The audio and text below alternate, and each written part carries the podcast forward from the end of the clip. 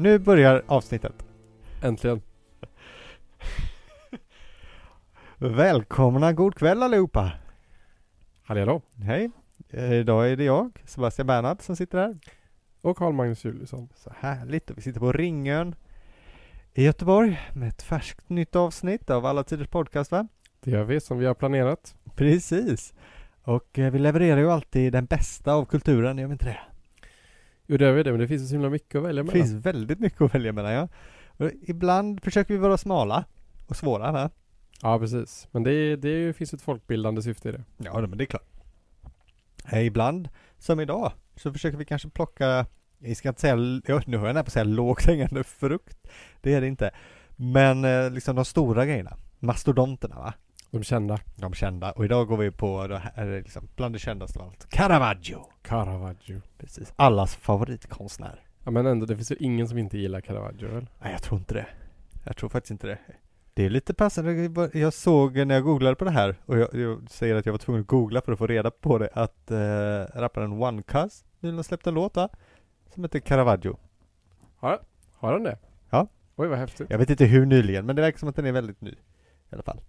Den handlar inte direkt om konstnären. Jag, lyssnade på en intervju med honom där han sa att det var någon jämförelse med att han brukade stänga in sig och måla. Och eftersom han hade varit borta ett tag så hade han gjort lite samma sak.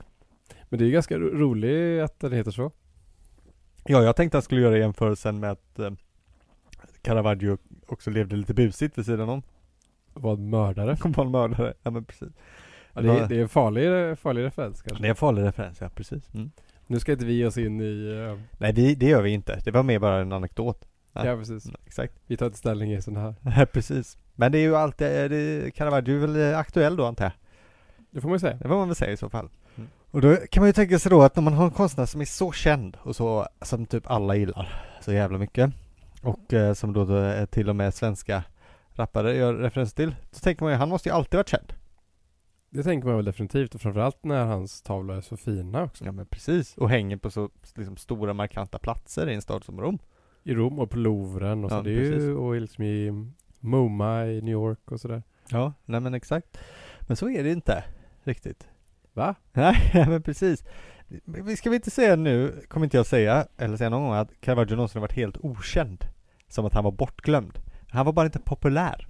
Riktigt. Nej precis, men det är som när man går på ett museum idag så är det väldigt mycket annan konst än hitsen också. Ja men absolut, jag var ju på Louvren förra, förra helgen. Och det är ju ändlösa salar. Majoriteten känner ju inte ens den, den beläste till liksom. Nej precis, och det är ju de som har huvudplatserna som man kollar på. Ja, så där, där är Botticelli och där är Leonardo och där är Rafael. Och sen är det massor annat och sen går man vidare. Ja exakt. Eller man och man, men vissa går vidare. Ja. Så att Caravaggio, är- de har en Caravaggio i den, i den salen också i och för sig. Ja, ja just det.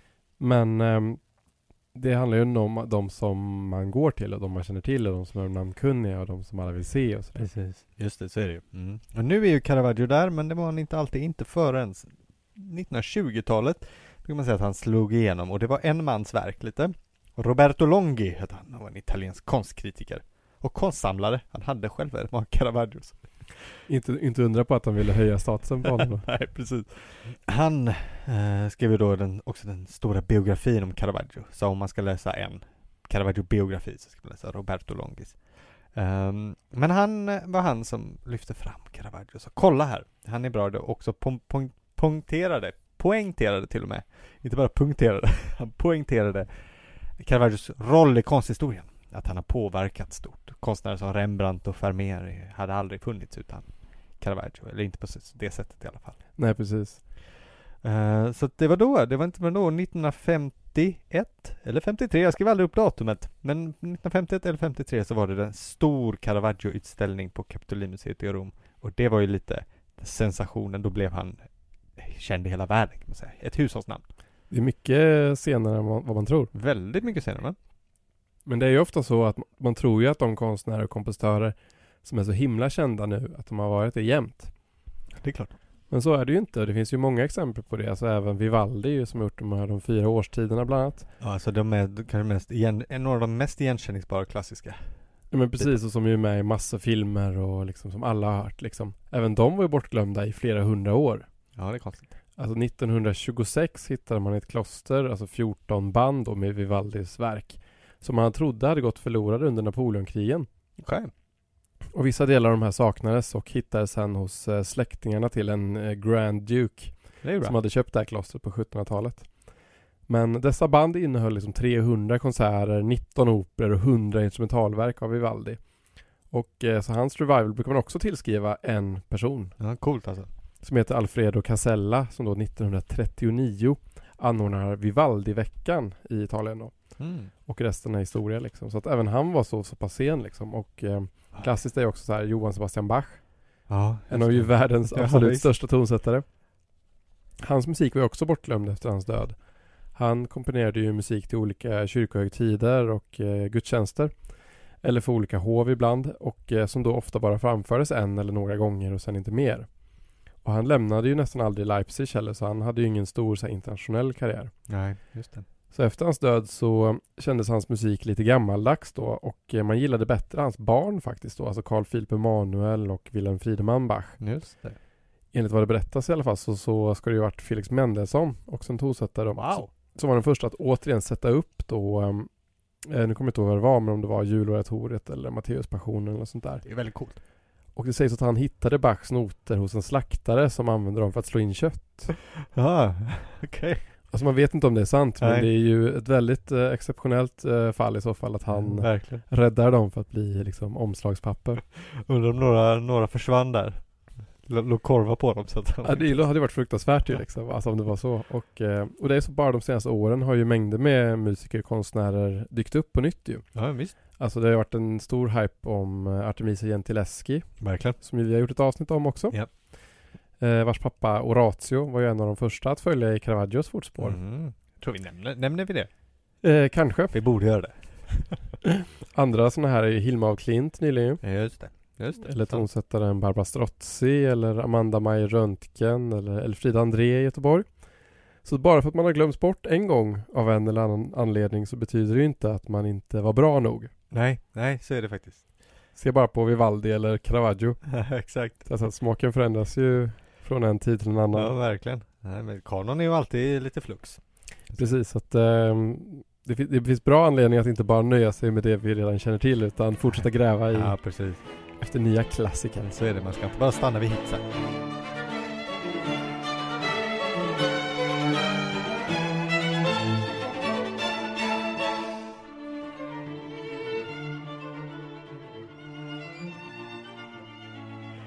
Ja, ska vi prata lite om Caravaggios liv då? Vi skulle, ju- det gick ju inte att glömma va?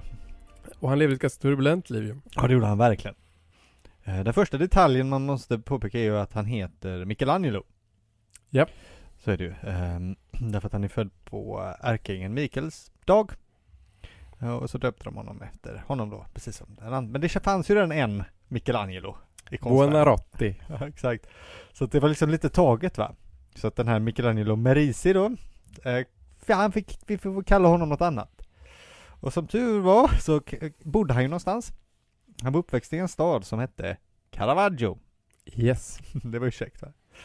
Eh, så att man bruk, hans fulla namn brukar man, om man skriver ut det, Michelangelo Merisi da Caravaggio. Precis som Leonardo da Vinci. Nej men precis. Föddes gjorde han dock i Milano. Eh, 1571. Men familjen flyttade därifrån när Caravaggio bara var fem år till, till Caravaggio då. För att fly undan pesten. För det vill man ju inte ha. Det här är ganska läskig tid då. Ja, exakt. Den ligger för övrigt nära Bergamo om någon har varit i de trakterna. Det är också rätt nära Milano i och för sig. Ja, jag Google Mapsade lite. För de pendlar en del däremellan också. Ja, det gjorde de. Hans pappa jobbade ju bland annat som eh, arkitekt i, eh, för Colonna-familjen i Milano. Det är fint. Mm. Colonna Sforza, de, är, de smälter ihop lite den här tiden nu. Ja, de gifte Mamma. väl ihop sig va? Ja men precis. Sforza-familjen är ju annars renässansfamiljen i Milano liksom. De som ju gav Leonardo eh, uppdraget att göra Nattvarden till exempel. just det, just det. Och de här statyerna som han fick i uppdrag och allt det där. Ja, ja men det var ju, det var ju käcka grejer va? Eh, Och som man kan förvänta sig av en konstnär på den här tiden så spe- var han ju lärling åt en annan konstnär såklart. Innan han slog igenom själv, det gjorde han i Milano. Han hette Simone Petersano. Han är inte så känd idag. Kan man inte säga, men han har väl gjort några fina tavlor han med. Jag har inte, ingen koll på dem. Nej, jag googlade lite på honom. Eh, liksom ser, ser väl ganska vanlig italiensk 1500-tal ut kan man säga. Eller lite ungefär för att den här Simone då, han hade varit i Venedig, eller han hade antagligen varit i Venedig. Och han jobbade väldigt mycket i Tizians anda. Om man vill ha lite då bilden på hur Caravaggio kommer till sin lite säregna stil så var det ju inte helt och hållet själv påkommen. Utan det är ju dels då kanske influenserna från Venedig. Redan under tidigare renässans så jobbade de mycket med mörka färger. Mycket rött, mörkrött och mörka bakgrunder som liksom suddas ut lite. Inte så ljust också, det är liksom mer skoro än chiaroscuro. Men... Ja, men precis, jag kommer att prata lite om det sen. eh, Ah, härligt. Men Tizian är en av de, är en av de som ju använder det väldigt mycket, särskilt på sina porträtt och sånt där. Ja, just det. Ja men precis. Och jag älskar ju Tizian så det tyckte jag var trevligt.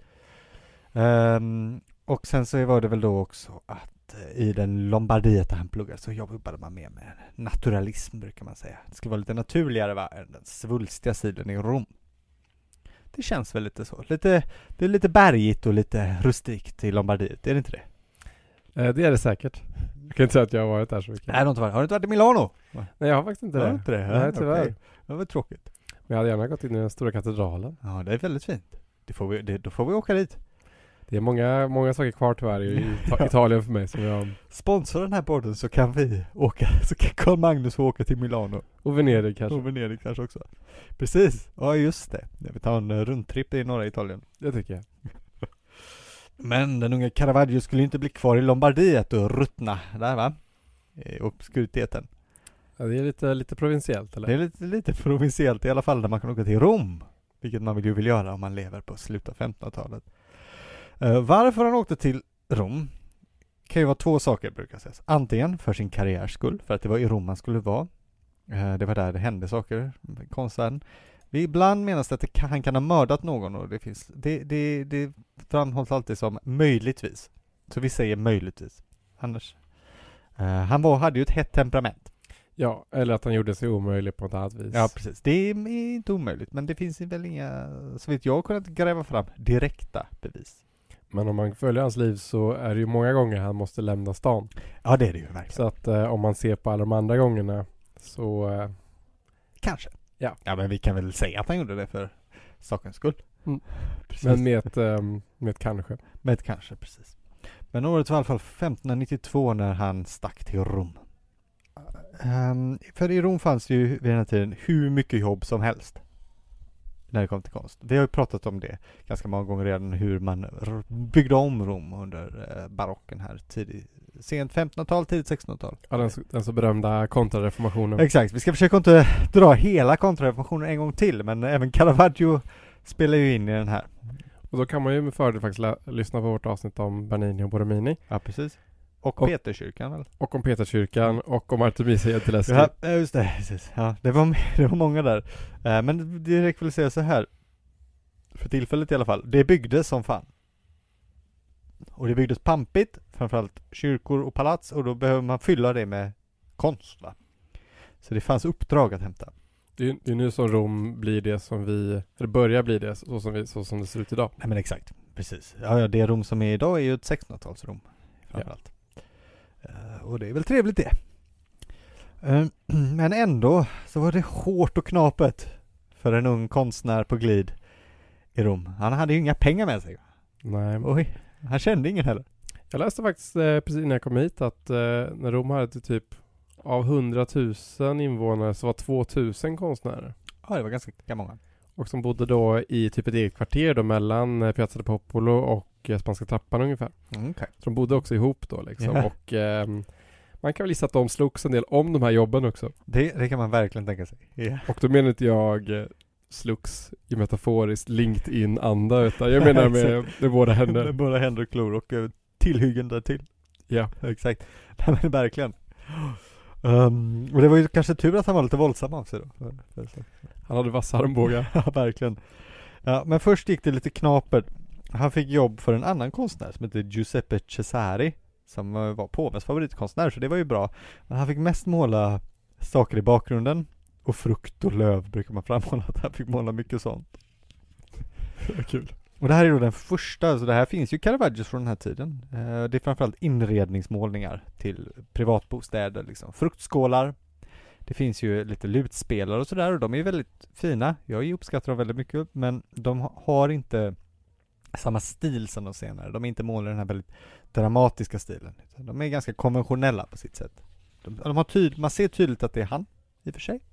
Men det, de skiljer sig på något sätt. Gör de verkligen. Gentila är väl ett ord man skulle kunna använda. Ja. Eh, Lite inställsamma. Ja men precis. Även om ju hans Bacchus då brukar ses som hans, ett av de första exemplen han gör något speciellt ju. För hans Bacchus är ju inte levnadsglad eller eh, mitt uppe i fest eller en segrande gud utan han ser lite bakis ut. Ja, lite melankoliskt nästan. Ja men precis. Och det framhålls ofta hur vindruvorna han håller håller på att ruttna. Så att det är redan lite något på gång i alla fall. Ja. Uh, sen fick han några små hits. När han, han, han lämnade Cesare efter ett stormigt bråk, eh, såklart. Och började slå sig, tänkte han skulle slå sig fram själv. Och då gjorde han två. Den första är uh, mm, Sierskan. Uh, om du har sett den kanske. Den är också inte alls stil, den är ganska ljus. Den visar en, eh, en eh, flicka som läser någons eh, handflata samtidigt som hon stjäl hans ring. Ah, okej. Eh, och den här blev ganska populär även om han sålde den väldigt billigt. Och till den här lite som en duo så gjorde han Korthajarna. Då är det några som spelar kort och så lurar de av då en väldigt välklädd och lite rik yngling som är lite kanske inte så street smart. Så att då fuskar de bakom hans rygg. De här hör ju båda till en duo då av vad säga, mm, gatuscener på något sätt. Roms uh, undre värld. Ja men exakt. Och man tror väl då att det var via de här, för de här kopierades en del, vet man, som han kom i kontakt med sin mecenat och fick sitt break va? Det är det man vill ha. Kardinalen Francesco Maria del Monte. Då är han inne i finrummet. Och nu vänder det va? Det är han vi har att tacka för mycket. Väldigt mycket faktiskt. Mm.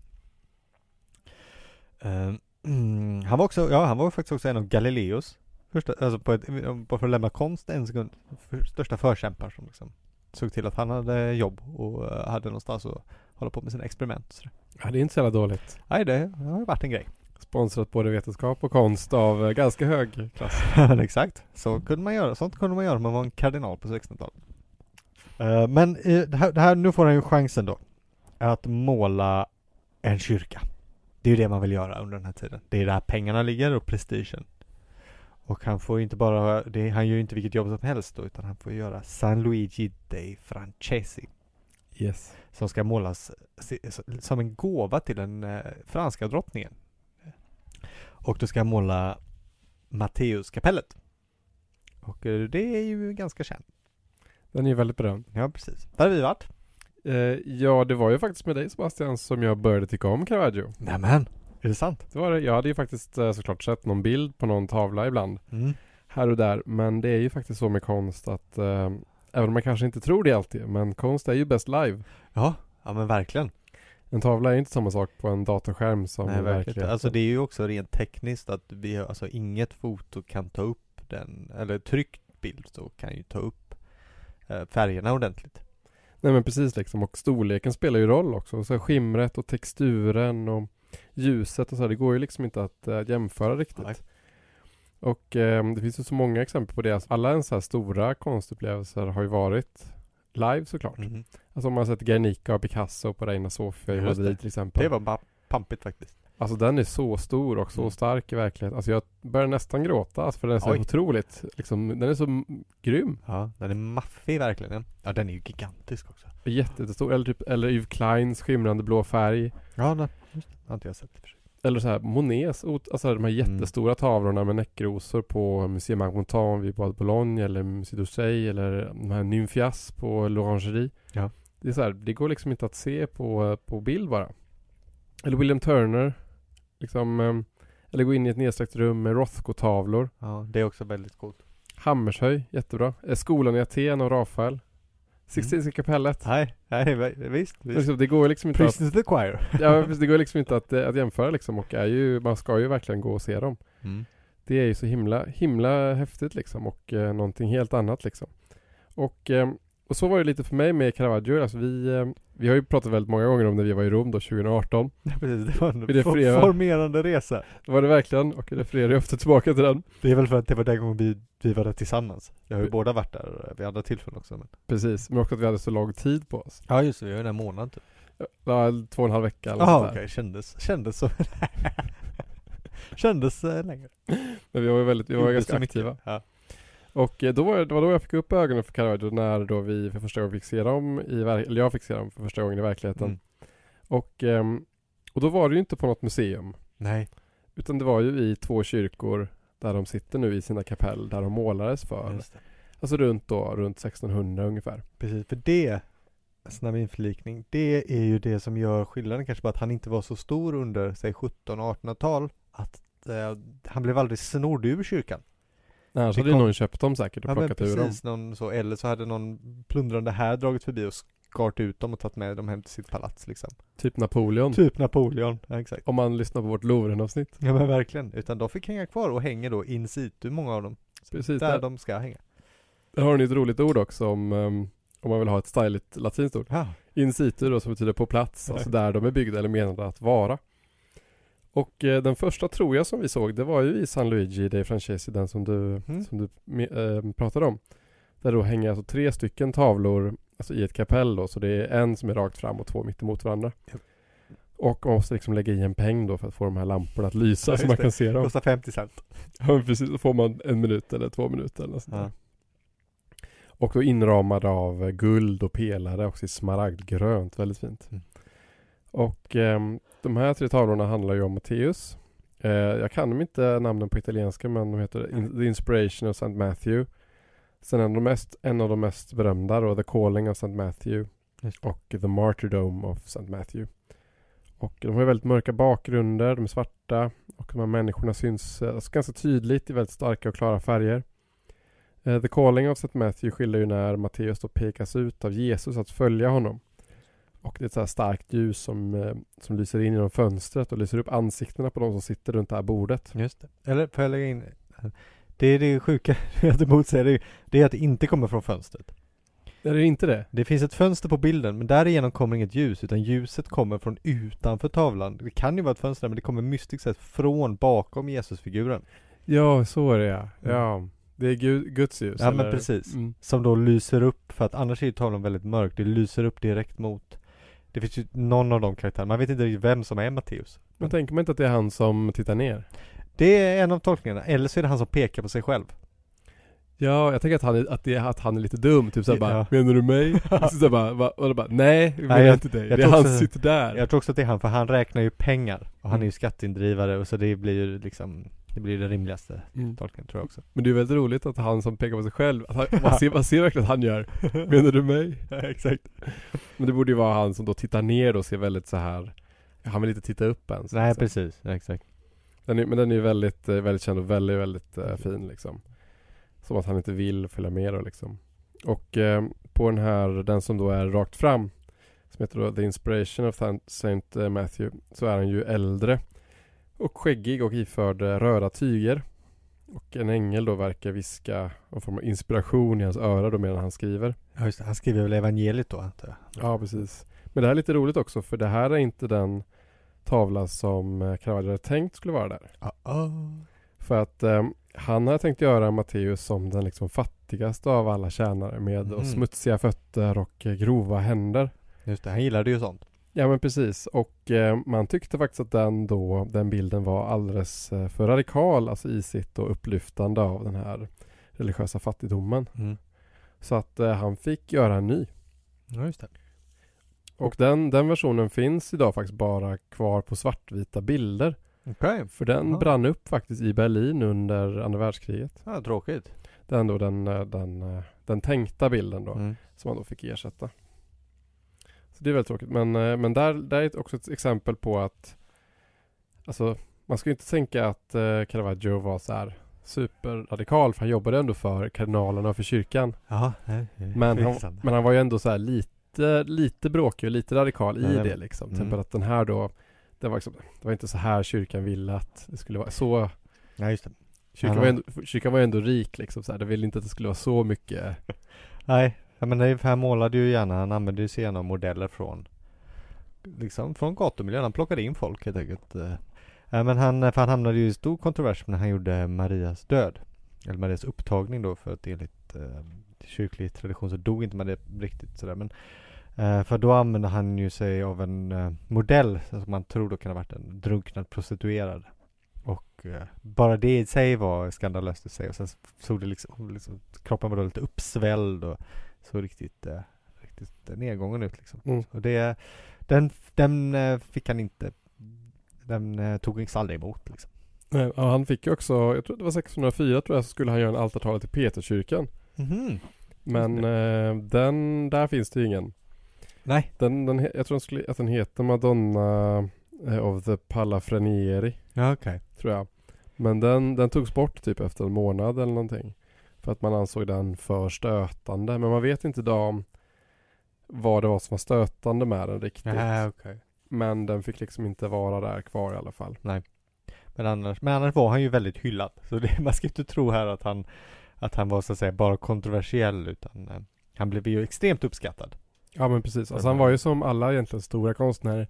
Alltså ganska omfamnad men inte, inte av alla och att det var liksom en, det var ändå en fråga man kunde ta ställning i. Nej men precis, för han hade ju, han hade ju konkurrenter som ju inte gillade honom för han bröt ju då mot den traditionen som hade varit från och med renässans, högrenässansen, från och med Michelangelo och Rafael och som sen gick via manier, manierismen som man brukar säga och eh, som fortfarande fanns kvar, den stilen som man brukar säga att det var Annibale Carracci då som var samtida som hade stora rivaler som fortfarande jobbade i den.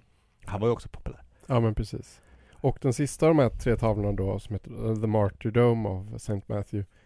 Eh, den tycker jag är lite, den är lite så som Caravaggio är när han brukar vara som bäst. Tycker Ja, jag. nej men verkligen. Alltså det är mycket människor, allt går liksom i ganska lika färger, grått, brunt och vitt och beige. Och liksom människorna är placerade i en sån fantastisk uppställning, alltså det är sån struktur eller arkitektur på tavlan liksom där de alltså Han har liksom ordnat alla personerna på ett sånt häftigt sätt. Mm. Att eh, man måste liksom kolla väldigt mycket, alltså man blir liksom inte mätt på den och fattar typ inte vad det är som händer riktigt. Eh, efter det så såg vi också den här, den vackra Madonna di Loreto Ja, som ju finns i kyrkan eh, Sant'Agostino in Campo Marzio. just det. Och den är också omgärdad av brunröda marmorpelare då med sådana här korintiska kapitäl. Det är väl bra, man får inte glömma att kolla på när man är och kollar i en kyrka på konsten, glöm inte kolla på det omkring va? Marmorn. Det är en väldigt eh, fräck inramning på dem Ja. får man ju säga. Och även den är ju då nära Piazza Navona. Ja. Båda de här kyrkorna är ju liksom på ett jättekort gångavstånd. Ja, det är käckt. Får man se Caravaggio in situ. Och sen såg vi också Petrus korsfästelse och Paulus omvändelse. Som ju har en väldigt vacker vit omgivning i kyrkan Santa Maria del Popolo. Som ligger då vid Piazza del Popolo. Ehm, och även på den då kan man ju se de här kropparna då är placerade egentligen ganska onaturliga och märkliga påser. Men som gör tavlorna väldigt levande och intressanta. Man vill liksom fortsätta titta på dem liksom. Och linjerna är så spännande och sådär. Så han är, de är väldigt inzoomade ofta. Jag säger istället för att göra en jättevy som kanske man tänker renässanskonstnärer ofta gjorde. Att man har, och så har man i mitten någonstans har man händelsen och sen så har man en bakgrund massor med händelser. Så zoomar han liksom in ju. Så på Paulus omvändelse så ser man liksom hästen och Paulus bara. Ja, precis. Och inte så mycket så här, om man tänker på Leonardo tänker man på de, alla de här bakgrunderna Ja, med liksom träd och skit och sånt där. Ja, precis. Nej, inget sånt. Inget sånt, det är bara svart i bakgrunden. Och alla dessa tavlor är ju kvar då på de ställena dit de beställdes av Caravaggio. Alltså där, där de är tänkta att vara. Mm. Och där han då, han har ju varit där liksom och satt upp dem där de ska vara liksom. Ja, det är coolt va? För liksom mer än 400 år sedan. Och det var väl sedan dess som jag kanske blev lite fast då. Ja, så du. Och sen har vi ju sett Caravaggio på Galleria Borghese. Mm. Och sen finns de ju på, jag har också sett dem på Palazzo Corsini och Palazzo Barberini i Rom. Eh, och på Museo di Capodimonte där den här The Flagellation of Christ finns. Ja. Som är väldigt häftig.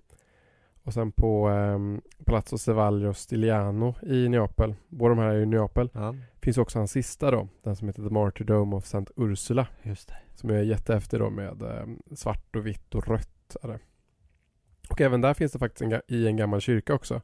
Pio Monte della Misericordia. Där då liksom också en sån här riktig dundertavla av um, Caravaggio finns på, på den plats där, där den skulle vara. Så The Seven Works of Mercy heter den. Den är otrolig. Otroligt häftig. Ja, han har också klämt in mycket händelser utan att det blir konstigt på något sätt. Ja men verkligen. Liksom. Det, det är också det är inte som, man ser inte att det är, det är, inte massa människor utan det är som en rörelse. Ja, med massa exakt. människor i det. Ja, precis. Eh, men för det är ju det han gör då med de här kyrkotavlorna nu under hans glansperiod kan man säga. Det här är hans glansperiod. Även om han fortsätter utvecklas konstnärligt så är det här ju höjden av hans karriär. Det är ju att han utvecklar sin stil. Alltså den mörka bakgrunden, chiaroscuron, eller till och med tenebrismen kallar man ju hans stil. Att det är mörkt i bakgrunden och karaktärerna lyser utifrån den. Och syns väldigt tydligt och dramatiskt. Det är, det är ju i de här målningarna han, han skiner fram med den. Ja verkligen. Och det, det, slår, äh, det slår ju hårt då för, för sista kontrareformationspunkten på ett tag. Men det är för att kyrkan vill ha en ny konstsort som ska vara direkt. Man vill motarbeta reformationen. Man vill ha någonting som, som talar direkt till folket och massan. Eh, hans konst passar perfekt in. Vi får inte glömma något viktigt heller. Den här podden görs ju i samarbete med Delfin eh, förlag va? Det gör det. Mm, det är vårt förlag. Det är det. Det är ett bra förlag. Det är det. Just nu ligger det ute två riktiga pangklassiker som vi har gett ut och översatt. Så fortfarande finns det försäljning. Ja, precis. Den är Agricola, som är en romersk klassiker va? Den andra är Priapeia som är en, också en romersk, mest om penisar. Och båda finns det avsnitt om som man kan lyssna på. Ja, precis. Så gå tillbaka och lyssna på vårt avsnitt om Tacitus eller Priapeia. Och så kan ni köpa böckerna sen. På Bokus, Adlibris eller Bokbörsen. Exakt. Surfa in på delfiner.se tycker jag. Ha det gött! Ha det.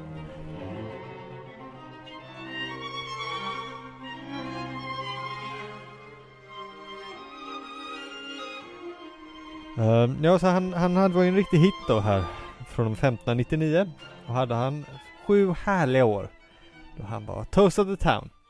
Även om han konstant hamnade i olika gruff eh, under tiden, men han lyckades alltid komma ur dem. Det, har vi, det kan man ju höra i vårt också, vårt avsnitt. Artemis Gentileschi liksom att eh, de, eh, det var ju sånt slagsmål om de här olika jobben att de, de knivhögg ju varandra, hotade varandra och slog ner varandra i mörka gränder och sånt där. Precis. Konstnärer emellan. Ja men exakt. Så konstnärer var ju inte som en konstnär idag om man Nej. säger så. Nej exakt. Nej de är lite mildare, det är inte Lars Lerin. Eller såhär Ernst Billgren Nej, liksom så här, de Nej. Ska se här. Nej precis. De två kan jag göra upp någonstans. Men ehm, ja, och den kändaste episoden är väl när- han blev anmäld av en kypare för att ha smällt till honom från någon kommentar med uh, kronärtskockor. Ja, Där han frågade, är de ju, Caravaggio frågade, är de stekta i smör eller olja? Då ska kyparen ha frågat, ha svarat, ja men lukta på dem så ser du skillnaden. Av det här blev Caravaggio skitsur. Jag vet inte varför. jag ställde en enkel fråga. Ja. Och smällde till kyparen. Då blev det då anmäld för det här. Det Han kastade dem väl i facet på honom. Ja, precis. Uh, ja, man ska ha smällt till honom precis vid mustaschen också med skålen tror jag. Aj.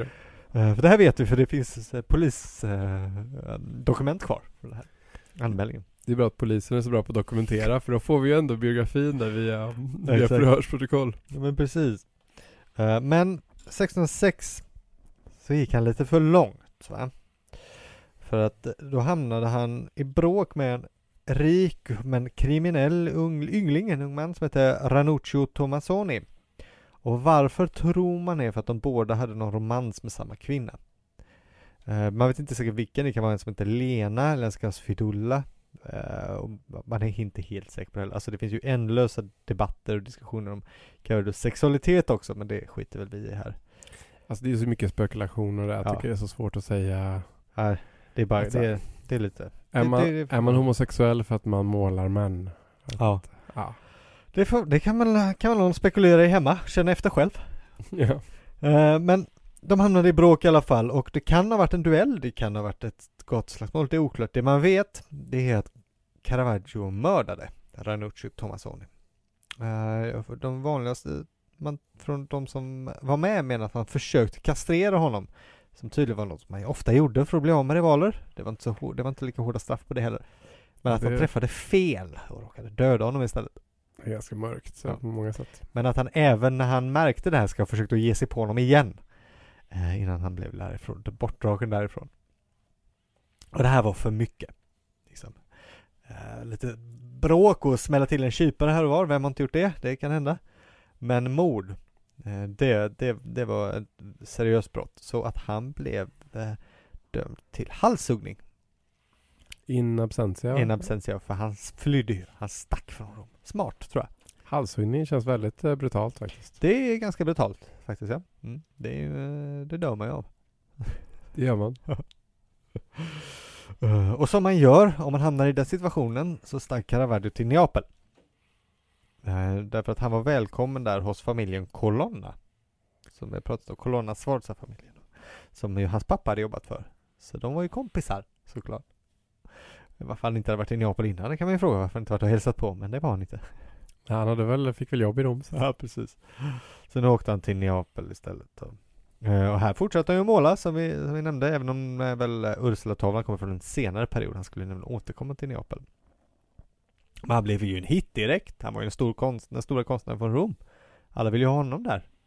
Klart. Och det är då han fick uppdraget att måla den här altartavlan till exempel. Det är väl Seven Works, eh, sju, eh, ja, Seven Works of Mercy hur man nu översätter det på svenska. Kommer inte jag ihåg. Han kunde inte stanna i Rom. Eller i Neapel menar jag. Han ville ju tillbaka till Rom. Såklart. Eller det var ju Rom det hände? Och hur skulle han göra det? Ja, han visste inte men han tänkte så här tror man då att om jag åker till Malta och, och snackar med Maltariddarna där då kanske de, kan- de, kanske de kan lägga in ett ord för mig. De är så himla poppis. Liksom. Eh, så det här prövade han då. Så han var inte ens ett år i Neapel innan han reste av till Malta. Och därför finns det också några tavlor av eh, Caravaggio på Malta. Ja, precis. Även också de på plats in, in situ. Ehm, och eh, det gick ju jättebra såklart som först. Han blev välkommen med öppna armar. Han blev till och med riddare av Johannesorden. Den eh, så kallade Malteserorden. Så det är inte bara en choklad. Ja, de har, de har även en order. De har även en order, ja de finns än idag och håller på. Ehm, inte så mycket, de, ja, alltså de slåss inte så mycket nu för tiden i och för sig men, men de håller på att rida runt ändå.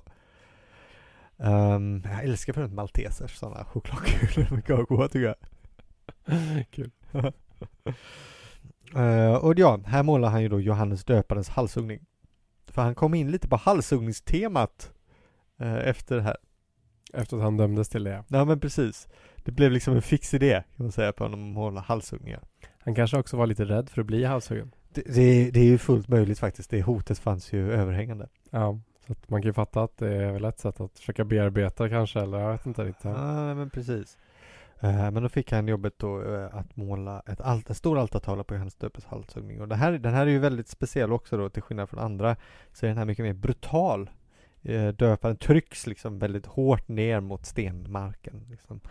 Och blodet sprutar ut ur halsen. Och det är liksom som en gatuscen bara från samtiden i bakgrunden.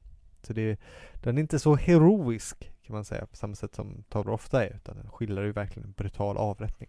Också när det kommer till en sån, sån, sån person också som Johannes döparen då ju. Ja exakt. Man har, oftast är det ju skildrat hans huvud på ett fat, men det är väldigt sällan, tänker jag, eller jag vet inte jättemånga tavlor när Nej, är man får se själva arkebuseringen heter det inte, men Nej. själ- nej, själva liksom av, alltså eh, Avrättning. halshuggningen Mm. liksom. Nej, nej det är ovanligt. Eller som på djuret och Holofernes också som, Nej exakt. när när man ser själv, man sker, ser när den sker liksom. Nej exakt, men, men verkligen. Eh, ja men det är han ju en pionjär i. Det mest dramatiska ögonblicket och, som han säkert kände sig igen i. När man, han var en sån succé på Malta och ville tillbaka i Rom, då tänker man väl nu måste han ju lugna ner sig. Nu är det väl slut på det här. Nu vet han ju vad som händer om man håller på och bråkar hela tiden. Tyvärr så gjorde han ju inte det. Utan eh, på sommaren 1608 hamnade han i bråk med en annan riddare. Eh, som han allvarligt skadade när han försökte bryta sig in i hans hem. Han slog in dörren till och med på honom på något sätt. Eh, Så han fick sticka. Han blev arresterad men lyckades fly med hjälp av några kompisar. Eh, Och blev då utkastad i orden. eh, Trots allt. Låter väl naturligt på något sätt. Ja, det, man blir väl det om man, om man håller på sådär. Så det. Och då reste han till Sicilien. Så en ny, en ny ö, större dock. Där han hade gamla vänner från konsttiden, konstnärsvänner. Det är en hel rad av namn här, vi tar dem, det räcker att säga att han hade gamla vänner va? Den Eh, heter väl Siciliano va? Precis som Sicilien. Ja, en av personerna. Nej men precis. Den är lätt att komma ihåg. Lätt att komma ihåg. På. Sicilien bor Siciliano. Det är väldigt bra. Mm. Och han blev mottagen och de var, återigen, folk var ju såklart glada när han dyker upp någonstans. För han är så känd, han kommer från Rom, det är ju där, alltså han är ju number one. Tänk dig själv om du bor i en liten stad och så kommer liksom den stora artisten dit. Det är klart, det blir världens grej. Och han gjorde, han gjorde en, liksom en tour de force längs östkusten, reste upp och målade på vägen. Han målade bland annat Lucias begravning, sådär i Syrakusa, som där ju uh, Santa Lucia kommer från. Uh, och han, han utvecklar fortfarande sin stil. Så han har liksom, uh, det är spännande tycker jag. Han håller inte kvar riktigt bara vid den här tiden i Rom, utan de blir allt mörkare och mörkare och mer och mer dramatiska. Så han blir liksom mer och mer Caravaggio med tiden. Och det blir han ju även i personligen därför att han blir mer och mer paranoid. Han blir väldigt våldsam. Han blir så jobbig att vara med att hans vänner till slut överger honom. De orkar inte med honom längre. Så han blir lämnad helt ensam. Usch, usch. Ja, det är tråkigt. Man ska, man ska se över sina vänskaper. Ja, Mm. ja, Det är ju en läxa även i det här. ja. Så mådde han väl inte så bra då uppenbarligen. Nej, han gjorde ju inte det. Han hade ju lite problem sådär. Ensam då, övergiven, åkte han tillbaka till Neapel. Där var han i alla fall välkommen. Han hade inte gjort något, där hade han inte gjort något. Eh, och där målar, ja, där målar han då sin sista, sina sista kända tavlor. Han målade Sankt Ursulas martyrskap. eh, Som du pratade om. Och jag vet inte exakt när, men kanske målar den här också då eh, David och Goliat. Med Goliats avhuggna huvud som faktiskt är ett självporträtt. Han är Goliat. Ja. Nej, vilket är väldigt ovanligt. Ofta målar man ju kanske hellre sig själv som David. Men, ja men precis. Det, men det är som att han känner sig besegrad nästan. Nej, Väldigt symboliskt ju. Goliat är väl också, är, nej vänta, David är väl Florens eh, symbol va? ja, det, Men ja, det är väldigt speciellt att, göra, att måla sig själv som jätten och den som, den som har blivit besegrad. precis. Och då måla sitt eget avhuggna huvud. Ja det är ju det är väldigt häftigt. Ja, det är det. Faktiskt. Men det, är- men det, känns, det känns ganska mörkt. Ja, men exakt. Men han kunde ju inte stanna i Neapel, det visste han. Dels för hans eget sinnes skull kanske, men han blev ju också attackerad. Bland annat på en bar blev han knivhuggen i ansiktet. Så han fick ett ärr, han blev attackerad på gatorna. Folk var ute efter honom, det var många som eh, försökte få tag på honom. Så han var rädd för sitt liv. Och i desperat drag så skickade han tavlor till Scipione Borghese. Känd från Musei Borghese-villan i Rom bland annat. Känd från andra avsnitt av den här podden också. Ja. Uh, och Borghese-familjen, hans eh, var ju nu den nya påvefamiljen. Så då försökte han komma in där och det kanske kan ha gått faktiskt så. Scipione Borghese var ju en stor konstmecenat. Det märker man inte minst på Galleria Borghese, hans museum då. Som är exakt. otroligt. Ja men precis. Som har många Caravaggio-tavlor ju. Ja, ja visst, visst. En tre, fyra stycken i alla fall. Något sånt där va? Ja, exakt. Bland annat den fina, den kanske du ska nämna, den om eh, Hier- Hieronymus. Eh, Den hade jag inte tänkt att specifikt nämna. Så det kan. Den har de ju på, eh, på, det, på det museet. ju, Ja, det har den, just det. Som är väldigt, väldigt fin. Och eh, för alla som någon gång har eh, ägnat sig åt den tids, eh, tidskrävande uppgiften att översätta Mm. så har vi honom som skyddshelgon. Ja, exakt, just det. Översättarnas helgon. Exakt. Han översatte ju Bibeln till latin. Precis. Det var ju, det, var, det tog ju tid. Jobbigt. Bra gjort. Ja, nej, den är ju lång. Faktiskt, den är, det är ju en fantastisk tavla också. Helt mörkt i bakgrunden hans röda cape. Jag har faktiskt den på plansch i mitt kök. Ja, jag kommer ihåg det. Köpte inte du den när vi var där? Det gjorde jag. Det gjorde Det du. Så den hänger ovanför dörren i köket. Härligt. Titta, titta på den när du dricker ditt morgonkaffe. Det gör jag faktiskt. Mm. Det gör jag faktiskt. Eller jag brukar, jag brukar dricka mitt morgonkaffe i sängen. Okej. Men så här lunch och middag då. Men när du kokar ditt morgonkaffe. Ja, då ser jag den. Men Caravaggio verkar ha fått, fick ett brev. Men, eh, Vet man att han fick, som gjorde honom positivt inställd. Han trodde att nu ska jag kunna komma tillbaka till Rom. Allt kommer lösa sig, det kommer bli bra va. Så han hoppade på en båt och begav sig då först till en stad som heter Porto Ercole som ligger i Toscana, som ligger norr om Rom. Han måste väl, det var väl på vägen på något sätt. Han var väl tvungen att byta där kanske. Men där dog han. Och det är ganska hastigt. Eh, först länge var myten att han dog på stranden. Man är idag ganska säker på att han dog inne på sjukhuset faktiskt. Men, eh, och varför? Det, det är lite oklart faktiskt. Men han verkar ju inte, han, har ju inte, han blev ju inte avrättad och han blev Nej. inte mördad väl? Det, nej, man har, det finns ett dokument eh, som jag har sett äh, refererats, men jag hade kunnat titta vad det exakt står i det, som offentliggjordes 2002 från Vatikanens arkiv, som pekar mot att någon kan ha till slut fått honom för mordet på Ranuccio Tomasoni. Ja, att det var hämnden. Precis. Eh, men analyser då som hans kropp som man hittade 2010 Oj, faktiskt eh, på kyrkogården. kastas inte i en anonym grav? Eller? Jo, men man lyckades identifiera den bland eh, eh, benmassorna. Herregud. Ja, det tog en himla tid. Eh, då visade sig på att han hade väldigt höga halter av bly i kroppen eh, från färgerna. Det kan ha varit det. Man tror också att han kan ha fått en infektion av det här såret från Neapel. Det är lite oklart. Det, ja, på den tiden så fanns det väldigt mycket man kunde dö av. Ja, ja men så var det ju. Precis. Så att, ja. Eh, Man kan ju liksom take your pick. Han dog snöpligt och då utan några vänner, utan någon mecenat, utan någon position i samhället, utblottad, övergiven. Det är kanske också därför, eller det är väl därför, som det fanns ingen att lyfta fram hans minne efter hans död. Det fanns ingen samlare som ville ha honom på första plats. Eh, Det här, det var ju ett socialt spel också.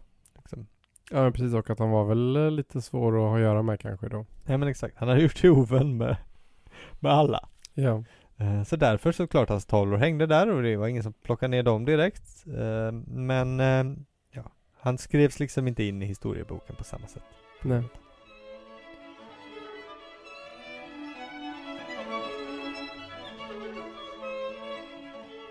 Jag ska faktiskt eh, ge ytterligare ett litet bud på varför han kanske inte blev lika ihågkommen. Jaha, spännande. Men eh, så att säga, de, de utesluter ju knappast varandra. Ja, det är ju skönt. Jag tänker att eh, vi ska prata lite mer tekniskt om hans måleri. Ja, bra idé. Så här, Caravaggio är ju lite av en form av en alltså mellanperiod kan man säga mellan 1500-talets liksom högrenässans och det som ska bli 1600-talets barock ju. Alltså han är liksom tidig barock eller någon slags Ja. liksom Visst. Han är ju inte liksom barock så som Rubens är barock liksom. Nej, nej, kan man inte säga. Och eh, det som han, en sak som han är väldigt berömd över det är det som du redan har nämnt är chiaroscuro. Som betyder ljusmörker. Men chiaroscuro är ju inte något som Caravaggio upptäckte själv utan han är ju född i Milano och eh, även om han då växte upp i den här byn Caravaggio. Men så han hade ju säkert viss koll då på Leonardo. I alla fall då nattvarden ju som Ja, det borde han väl ha. De hängde ju där. Precis.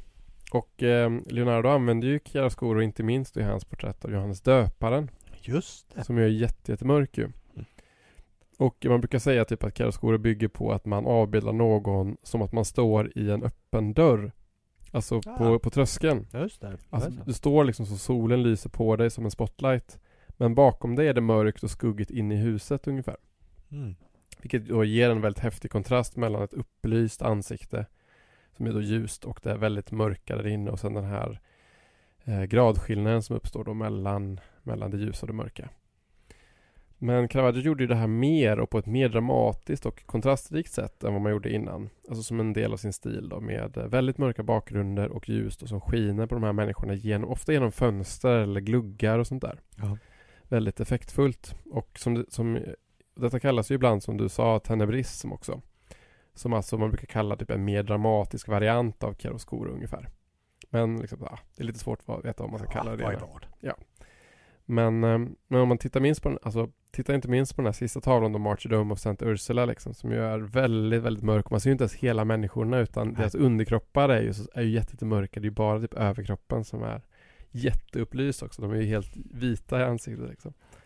Det är ju väldigt häftigt liksom. Eller den här Flagellation of Christ då, som är cool. Mm. Men eh, det stora viktiga som man brukar lyfta fram det är ju hans realism.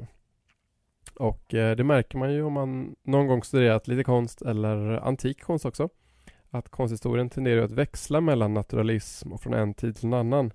Det är ju ingenting som först är det, sen är det, utan det, det är liksom pendlar ju fram och tillbaka hela tiden. Just det. Det är faktiskt sant. Ibland är det ena mer populärt och ibland är det andra det liksom. Och renässansen är ju en idealismens tid. Ja men verkligen. Skildrar ju en perfekt och lite, ja, lite anonym om man ska vara elak liksom. Kanske idealiserad skönhet. Lite matematiskt också på sina sätt. Liksom. Ja men precis liksom. Den har liksom den här himmelska skönheten som då, som inte kan uppnås på jorden då. Alltså, Nej. tänk hela Ninja Turtles. Donatello, Michelangelo. Rafael och Leonardo. En form av idealiserad skönhet liksom som de står för. Um, så David eller liksom Venus eller liksom Mona Lisa. De ser liksom inte ut som vanliga människor riktigt. Nej De- det gör de ju verkligen de är för perfekta och för vackra liksom. Men Caravaggio, han både ville måla och målade folk så som de såg ut. Och det är liksom genomgående på hans, ehm, alltså från hans konstnärskap, alltså på hans tidiga lite enklare tavlor så använde han sig av sig själv eller sina vänner eller rumskamrater som modeller. Och eh, några av dem vet vi vilka det var faktiskt. På tavlor som den här pojken med fruktkorg eller den här fortune teller. Som du nämnde, eller musikerna, eller Bacchus och lutaspelaren, men också den här The Calling of St. Matthew och The Martyrdom of St. Matthew.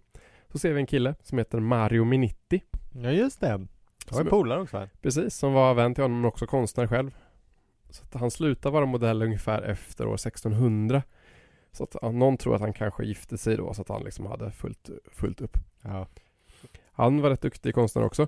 Och eh, lärde sig mycket av eh, Caravaggio. Ehm, så att det finns faktiskt fall då, det- då det är svårt att veta vem som målat vad riktigt. Okej. För det, det är som det var du vet, i sådana här verkstäder och sånt där. Nej, ja visst. Nej.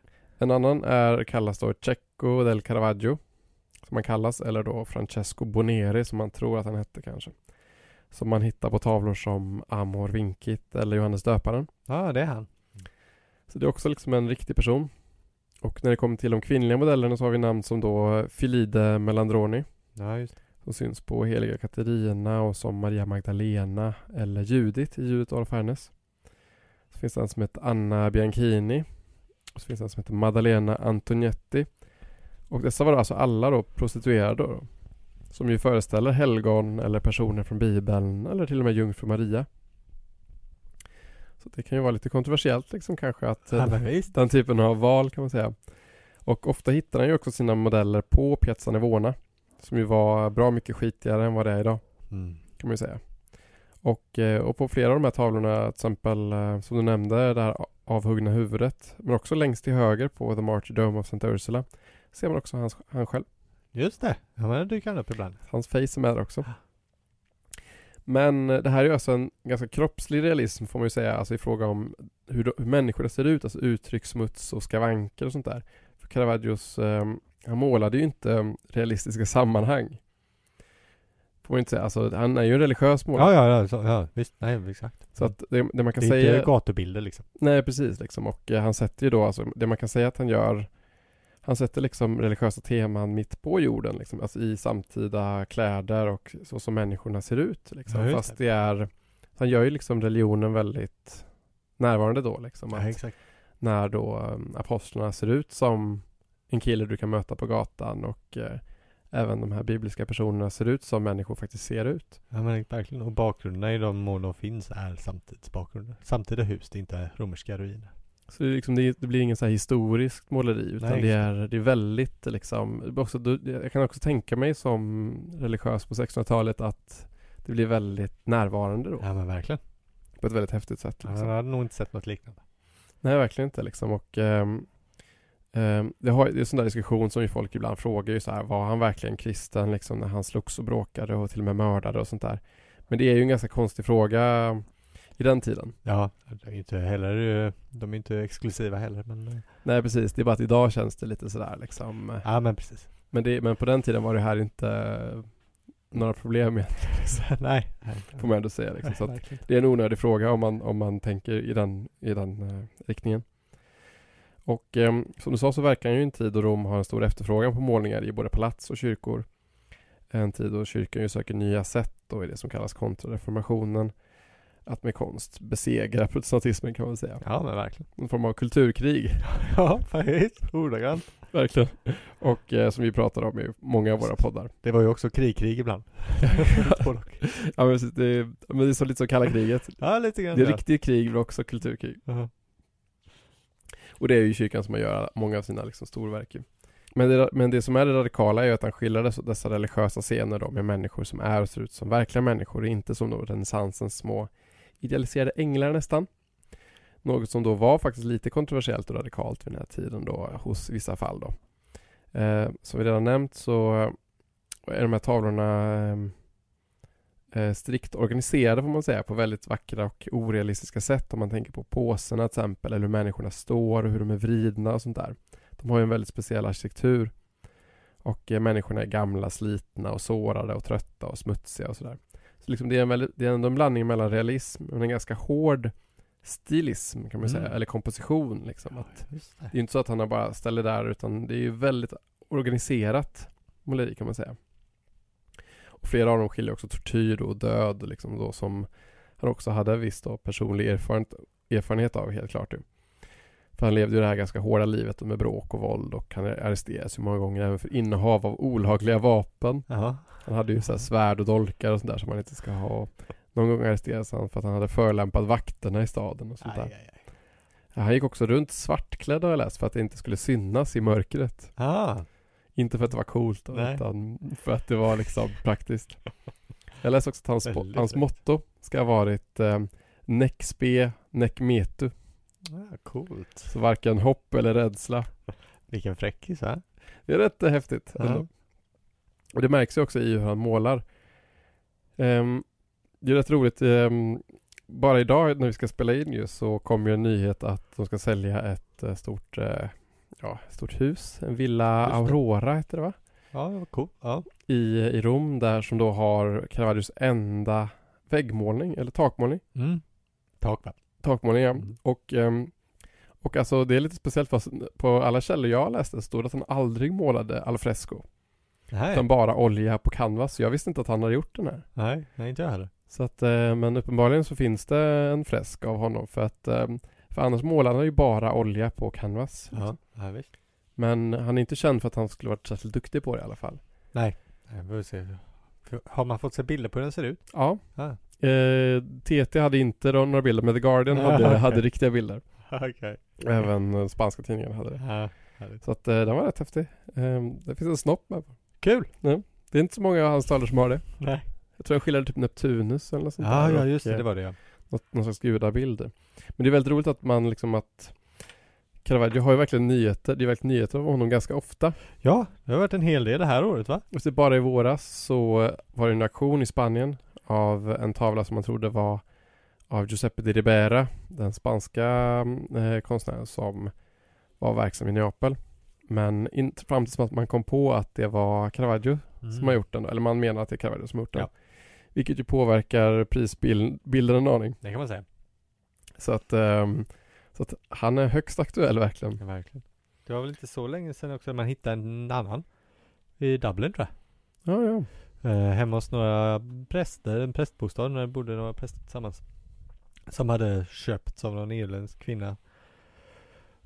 För ett tag sedan, det det var också att man trodde att det var en, en kopia av en Caravaggio som man visst trodde var förlorad. Men man visste det fanns kopior av den, en Ecce Homo eh, bild liksom. Men så visade det att det här var originalet. Tror man det i alla fall. Vilken jackpot Ja, verkligen. får man säga. Så att eh, det händer ju saker i, historien hela tiden. Och eh, det speciella med Caravaggio här det är att han, han gjorde inga skisser heller. Utan han målade direkt på duken. Just det. Och det har man faktiskt kunnat belägga med röntgen för att det, att det finns inga skisser under färgen om man liksom röntgar färgen. Och eftersom han då använde också levande modeller, alltså riktiga personer, så var det ju också tvunget att gå ganska fort ju. Just det. De kan ju inte stå där i flera veckor Nej. utan eh, Så han var ganska snabb också och eh, bland hans eh, kollegor verkar man ha förhållit sig lite olika till det här faktiskt. Alltså vissa Vissa gillade inte hur han målade då från verkligheten utan att skissa innan. Det fanns också bevarat en, en eh, kardinals eh, sekreterare som har beskrivit då Caravaggios tavla Madonna dei Palafrenieri. Den som då skulle vara i Peterskyrkan. Han beskrev den som att den eh, var innehöll vulgaritet, hädelse, okyskhet och äckel. Oj. Man kan säga att den är målad av en konstnär som kan måla väl, Mm. men som har en mörk själ och som har varit långt från Gud, från hans tillbedjan och från varje god tanke. Ja, så kan det vara. Så, så, så kunde man också uttrycka sig om hans Ja. konst eh, liksom, eh, runt år 1600 då. Men man kanske inte ska avra- överdriva heller hur radikal han var. Liksom, så att de hängde fortfarande i kyrkorna liksom. Ja, men, nej. men han var ju, han var ju en, en prövande konstnär får man Ja, säga. verkligen. Han prövade sig fram. Ibland eh, tog det spel. Ja, och många andra såg honom som en stor visionär då och modern konstnär och så han var ju liksom Många såg ju honom som den, den konstnär han var också och han hade ju många efterföljare då som Mm. kallas eh, Cara- eh, Caravaggisti. De har då hittat bland annat eh, Artemis Gentilescus pappa Orazio och eh, Giovanni Baglioni. Och sen finns det ju målare som lite, lite är i hans stil som är, eh, de som hängde i Neapel, alltså Mattia Pretti och Luca Giordano och redan nämnda Giuseppe di Ribera då som man ju som uppenbarligen målade ganska likt honom också. Målar ju väldigt fint tycker jag. Ehm, men varför blev han bortglömd då? Alltså, den, alltså förutom det som du redan nämnt så tänker jag också att den realism som Caravaggio stod för den förlorade ju intresse också ganska fort. För snabbt kom ju det här, vann ju egentligen den här påverkan från Annibale Carracci som du nämnde. Mm. Som ju har drag från högrenässansen. Och det här Caravaggios liksom teknik, ljuset och påserna och inte minst det här chiaroscuron. Det plockas ju upp av barocken. Ja, Men den här psykologiska real- realismen alltså försvann. Så lidandet och våldet och mörkret försvann ju. Och jag kan tänka mig att det gjorde kanske att han uh, kändes lite omodern också. Ja, så Alltså även i själva liksom den typen av realism var inte, alltså förtappades liksom. Ja, nej, du har nog rätt tror jag. Och eh, sen får man väl så här, alltså konstvärlden var- byggde ju heller alltså inte bara på den typen av mode utan det byggde också på att den som ville betala för det, vad den ville ha. ja, det var verkligen. Och om du hade liksom ett pampigt palats så kanske du inte ville ha folk som högg huvudet av varandra Nej. på väggen. Vill ha något lite härligt. Ja men precis liksom så att ehm, man kan väl också tänka att det spelar in. Det gjorde det nog faktiskt. Ja. Nej, här, absolut. Får jag den här gulliga härliga Carracci-tavlan eller vill jag ha liksom blod som sprutar och folk som är smutsiga Ja, och exakt. liksom folk som ser ut som de som är på gatan där utanför. Ja, nej. nej tack. de, de vill de ju inte se överhuvudtaget. Nej, precis. Men eh, i vår tid så är vi ju lite mer toleranta kring ehm, tillvarons mörker va? Just det. Så kan det vara. Så att eh, nu passar det väl Nu perfekt. passar han ju bra in. Ja, exakt. Jag tyckte det finns en, en, spännande grej att en tavla är ju känt stulen och fortfarande borta. Oj. Den stals 1969 i eh, Palermo. Eh, från eh, Sankt Laurentius oratoriet och det är en, en nativitetsscen, så en Jesus eh, krubbscen med Sankt Laurentius och San Franciscus i. Och den tror man stals av maffian. Avhoppare från maffian menar att den har stals av maffian. Oj. Och att den där presenteras på viktiga möten. Eller att den liksom hänger uppe då. Wow. Eh, men den är borta. Men det finns gamla, bit- gamla foton på den. Det är ju jättehäftigt. kan man se om den dyker upp någon gång igen. Man undrar ju vem, vilken, så här, vilken boss som har den hemma. Ja men exakt. Precis. Ja, Vi se om den, dyker upp. Så om man ser den hemma hos någon då vet man att man är hemma hos En riktig boss. Capo dei Capi. Fan vad coolt. Det är, det är otroligt häftigt. Ja verkligen. En sista berättelse. Så helt klart är ju inte historien om eh, Caravaggios eh, corpus. Nej. Nej, Den är inte, den är inte över. Nej precis. Och om eh, kyrkans, eh, ska man säga, relation till, eh, till maffian fortsätter och hårdna. Så kanske liksom eh, kriget bryter ut och, och vi hittar den igen. Ja så kan det vara. Vem vet? Vem vet? Vi får se. Mm. Och de här uh, schweizergardet kanske kan eh, leta upp den. De rycker in. Ja, ja, i sina praktiska outfits. Eller hur? Vi gör en razzia. Oj, oj, oj. Nu har vi pratat och det var väldigt spännande tyckte jag. Det var väl kul. Ja, det här var riktigt roligt. Det här ska jag lyssna på sen efter att det är färdigt. Det är klart det ska. Ja, tycker jag. Och medan jag gör det så tänker jag att ni där ute, ni kan ju surfa in på vår hemsida till exempel, Det kan man göra. delfiner.se. Vi har också en Facebook-sida som man kan följa och se när det kommer något nytt. Eller Instagram såklart, där lägger vi upp hur mycket som helst. Det här är ett bra visuellt eh, program också. Så Precis. Vill man se bilder på Carl Magnus tillsammans med Caravaggio-tavlor? Kanske? det finns ett par stycken. Ja, då kan man gå in på alla tiders Insta och följa oss. Eh, och såklart, vi ska ju säga en miljon tack till de som stöttar oss på Patreon. Jättetack. Ja, ett solidt gäng som gör ett eh, ord- ordentligt arbete här ute. Tack, tack vad snällt va? Så himla fint. Och vill man gå med i det härliga gänget då får man eh, gå in på Patreon slash alla tiders podd. Yes. Ja, gör det. Och ha, ha en god, eh, god lyssning va? Eller nu är ni ju färdiga, så gör något nytt. Ha det bra. Hej. Ha det gott.